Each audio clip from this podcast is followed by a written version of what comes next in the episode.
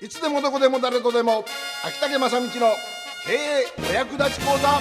ダダ漏れマーケティング。さあ時刻の方は6時を回りました。いつものように何も変わらずスタートでございます。6時台、はい。ダダ漏れマーケティングのお時間です、はい。シーズン2に入っております。シーズン2えはい、えーこのシーズン2はですねえーダダ漏れマーケティングコピーライティングセミナーということでいよいよ今日からが本番でございます、はいであのーまあ、コピーライティングと言いましても私がここでお伝えしたいのはあのー例えば、えー TOTO さん押田元 TOTO さんのね、うん。えーお尻だって洗ってほしい。ああそうですね。とかそれから、まあ、札幌ビールの、うん。えー男は黙って、ええ。ー札幌ビール札幌ビールとかね、え。えーそういうふうなキレのいいですね、えーコピー。えうん。キレのがいいというかそういうですね、あのーコマーシャル。まさにキャッチーな、うん。はいそういうコマーシャルではなくてですね、えーセールスレター。うん。セールスお手紙ですね、うん。の書き方を中心としてお伝えしてまいります。で細かいいろいろ注意点がありますのでそれを12回に分けて、うんうん。えーやっていくということなんですが今日まず最初にですね、えーお伝えしたいのはあの私すあのセールスレター商品の中にうん。入れる、あのお手紙。例えば1個お試し買いますよね、ええ。お試しの仮に化粧品買いましたと。えそしたら2個目を買ってもらう、えうん。えーあるいはあの定期宅配とか、えーそういうものに、えー継続して買ってもらう、えーうん。そういうおすすめする手紙えを秋田家さん書いてもらえませんかっていうことがうんうんうんうん。あったりするわけですね。まあその時にあのーじゃあ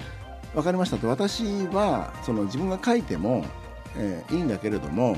えーそれよりもご自身で書かれて、うん。それを添削しますよっていうようなことをよくやってたんですね。でその時によくある間違いがありますのでちょっと3つほどおご紹介したいと、はい。えーその3つのうちで1つがですね、えー DM この DM お手紙をまず何の目的で出すのかが明確でないっていうのがうん。あります、で例えばですね、あのーこのお手紙によって、まあ、注文をしてほしいのか、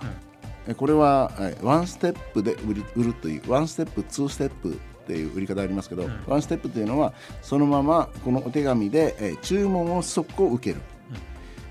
あるいは、えー、2ステップっていうのはあこのお手紙で小冊子の請求をしてもらう。あははとかお試しの請求をしてもらうとか、うん。えーすぐに注文でないんですね、うん。あの要はお問い合わせです。おまつまりお問い合わせを受けたいのが注文をしてもらいたいのか、えーどのよう、えーその目的がはっきりしてない場合がある。うん。あとまあ細かく言うと、えーその小冊子を読んでほしいのかうん。とかね。えー請求してほしいのかそれとも請求したものを読んでほしいのか、うんあるいはまたサンプルを請求して、えーお試しの請求してですねその中に一緒に合わせるお手紙っていうのはその今すぐサンプルを使ってくださいっていう手紙なのか、ねそれから、えーすぐ、えー注文してくださいっていう手紙なのか。そのいろんなこのお客様に取ってほしい行動によって目的が違いますのでえーそこをずらしてしまって、えーいきなり、えー商品紹介ばっかり書いてもですね、うんうんお客様は、えーなかなか反応してくれないということになります。どうどういうふうにその与えられた情報と自分がつながっていいのかわからないですよね。そうそうそういうことなんですね。えですからあの例えばよくあるのがですねあの例えばインターネットでですねあのウェブ広告、うんリスティング広告と言います。キーワード広告。例えば、えー、ヤフーとか、えー、Google とかで検索しますよね、うん。でそこに広告が出ます。例えば干物って検索したら仮にジジアというのが出たとしましょう、でジジアに飛びました。ホームページに飛びましたら、えーそこでお試し価格で商品がありましたと。いうことで、えーまずメールが来ますよね。あの注文が来ます、で2ステップの場合だったら例えば住宅の場合とかであったらそれ小冊子請求って大体なってると思うんです、うん。小冊子請求とかそれ資料をお送りくださいとかになってると思うんですけどその資料せ小冊子の請求が来た時にですね一緒にやっぱり DM 入れますね。うん。お手紙入れます。えーそこから、えーセールスマンとお話をしたいわけですからしてほしいわけですから、お電話くださいとかそれからご訪問してよろしいでしょうかとかいうことになるわけですけども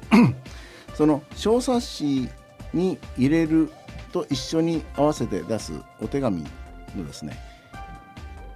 が実はこれがあの小冊子を読んでもらいたいのかそれとも小冊子を送って注文くださいっていうのはこのニュアンス分かりますかね？うんうんうん。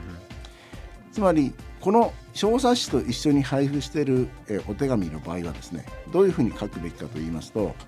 今すぐお読みくださいなんですねうん。ここで、えー勘違いが起こるのは小冊子というのはお客様が請求してくれたから送ってやれば必ず読むもんだと思うことが間違いの始まりなんですよ。うんうんだからうん送って、えー小冊子請求が来たから送りました送りましたけどお客様に届いた時に封も切らずに、うん。そのまま置いててで全然もう忘れ去られてってことうん。でよくあることなんですよね。だからそのもちろん封を切ってもらわなきゃいけないんですがでその封筒に封筒での仕掛けとそれで封を開きまして小冊子出しました。えその時の横に添える手紙は必ずトップは「今すぐ小冊子をお読みください」ってこと。うんうん。こういう手紙じゃないと威力が半減してくるわけですね。でその小冊子さえ読んでもらえれば問い合わせしたくなるような小冊子を作ってないとダメなんです。うんうん小冊子が単なるこう品質とかスペックとかそういう特徴とかの羅列であってはまあ解説書を読んだみたいなもんででそこが、えー小冊子自体が読んでいけばストーリーがあってあこの商品がどうしても欲しいと思えるような小冊子じゃないといけないんですがそういう小冊子ができておくことが前提ですので添えるお手紙は今すぐお読みください、えーこの小冊子をお読みになられますと、えーあの何々でお困りのあなた様にはこれとこれとこれとこれが即座に解決できます。ということを手紙に書かなきゃいけないんですね。えこれが第第一のポイントで DM を何の目的で出すかが明確でないっていうのがあります。でもう一つがですね、え3つほどあるんですけど2つ目が、えー今もだいぶ話が出ましたけれどもワンステップツーステップとかですねビジネスモデルビジネスのステップが組み込あの明確になってないっていうのがあります。あの DM 出したいんですけど秋田さん DM 作ってもらえますか？って言った時にあのじゃあワンステップで売るんですか？ツーステップで売るんですか？って話干物だったら、えーお客様が直接店頭に来てですねあこれくださいって言った時にあちょっとお待ちくださいってこれ小冊子をお読みくださいなんてことはありえないわけで、そのまますぐお金と干物交換になるわけですね。ところが家の場合だったらやっぱり何千万ってしますので先に、えー小冊子とか読んでもらって理解してもらってえーそれからというふうになりますのでところが、えー例えばチラシを打った時もですね、うん、極端に言えば、えー今すぐ家をご注文くださいっていうチラシ打っても反応できないですよね。うんそうですねだからそのように先に私たちの会社のこととか商品のことを知ってくださいっていうことで、えー小冊子の、えー請求というものをよく使いますね。でこの辺がワンステップかツーステップかっていうようなこういうビジネスモデルがしっかりと組まれてないということが、えーよくあります。だからそんな場合はもう本あのこういうコピーコピーライティングする前にもう一度仕組みをしっかり考えてでお客様がどのような行動で、えー購入に至るのかっていうのをしっかりと組み立ててくださいっていうところから始まります。で最後にですね、え3つ目でもう一つよくあるのがですね、えーもう文章がですねうまい方もまだ上手でない方もいらっしゃるわけですけども、みんな一生懸命 DM 書いてくださいって一緒に書くんですね。で書いてですねあのーたあのすごくしっかり書いてるんですけどしっかり書いてるのに順番がバラバラっていうのがよくあるんです。であのせっかく書く力があるのにその順番を知らないがために、えーバラバラの文章になっちゃって、えー本当は注文を十分に期待できる、えー内容なのにそのお客様の心を読んでないもんだから変なところで売り込みが来たりで本来言わなきゃいけないことが後回しになったりってあるんですね。でそれを実は順番をきちんと、えー、整えましょうというのが、えー、この3つ目です。であのー、この順番っていうのがですね非常によくできたのが、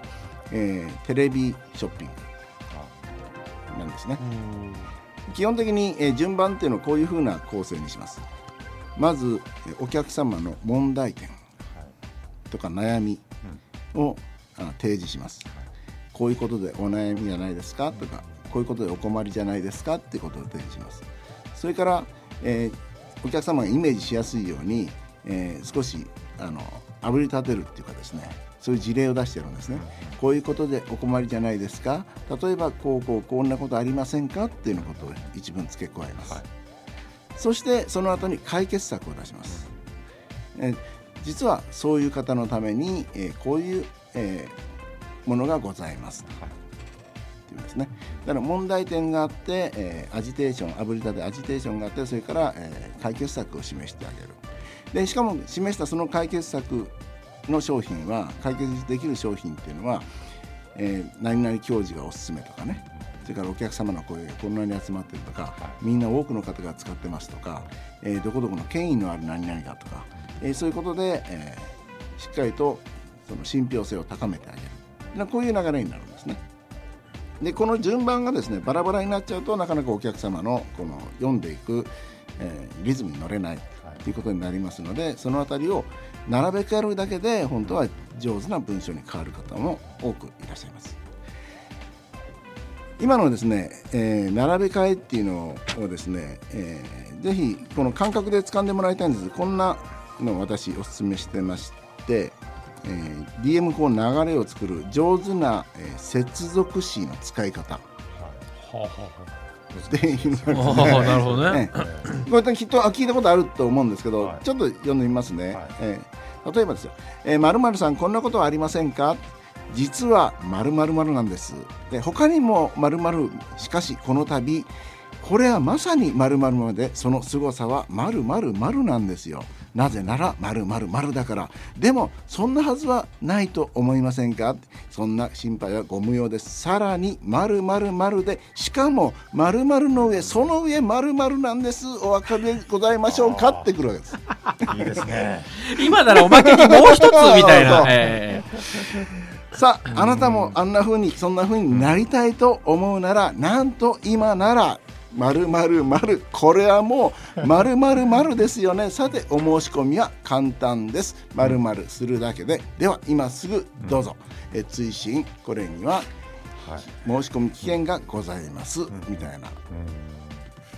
こういうノリですね。すごい。まあ、よく聞いたことあるでしょ、えそうですね。ね、でもう一回ですね今のこうこういう流れをですねあのテレビショッピングとかを聞いてですねしっかりとつくあの身に、えーと、理解していただいてそれを文章として載せていく。例えばこう売りたい枕があったら今の当てはめていきますね「まる、ー、さん寝苦しいってことはありませんか？実はそれはあなただけではないんです。他に多くの方が寝苦しいと言ってるんです。しかしこの度その寝苦しさを一気に解消する優れものができたんです。それがこの枕です。まさにこれはえー、夜眠らないあなたのために開始されたような枕なんです。名前をお先真っ暗って言うんです。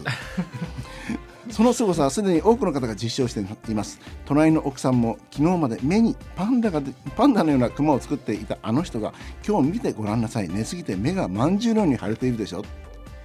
なぜならこの枕には夜眠らない人のために開発された眠り薬みたいな匂いが配合されてこれ薬事法違反ね。そんな感じですね。でまあそんな感じでですね、えー、スムーズに遊びながら作っていく感覚でやられると DM 作るのも楽しいんじゃないかということで、え、今日の,、えー、マーケティあのコピーライティングのポイントは、え、まず何のために出すかを明確にしましょう。それからビジネスモデルをしっかりと作りましょう、えー、3番目に文章のうまい下手より文章の流れをしっかりと流暢に作りましょうということでした秋田県さんのただもねマーケティングでした。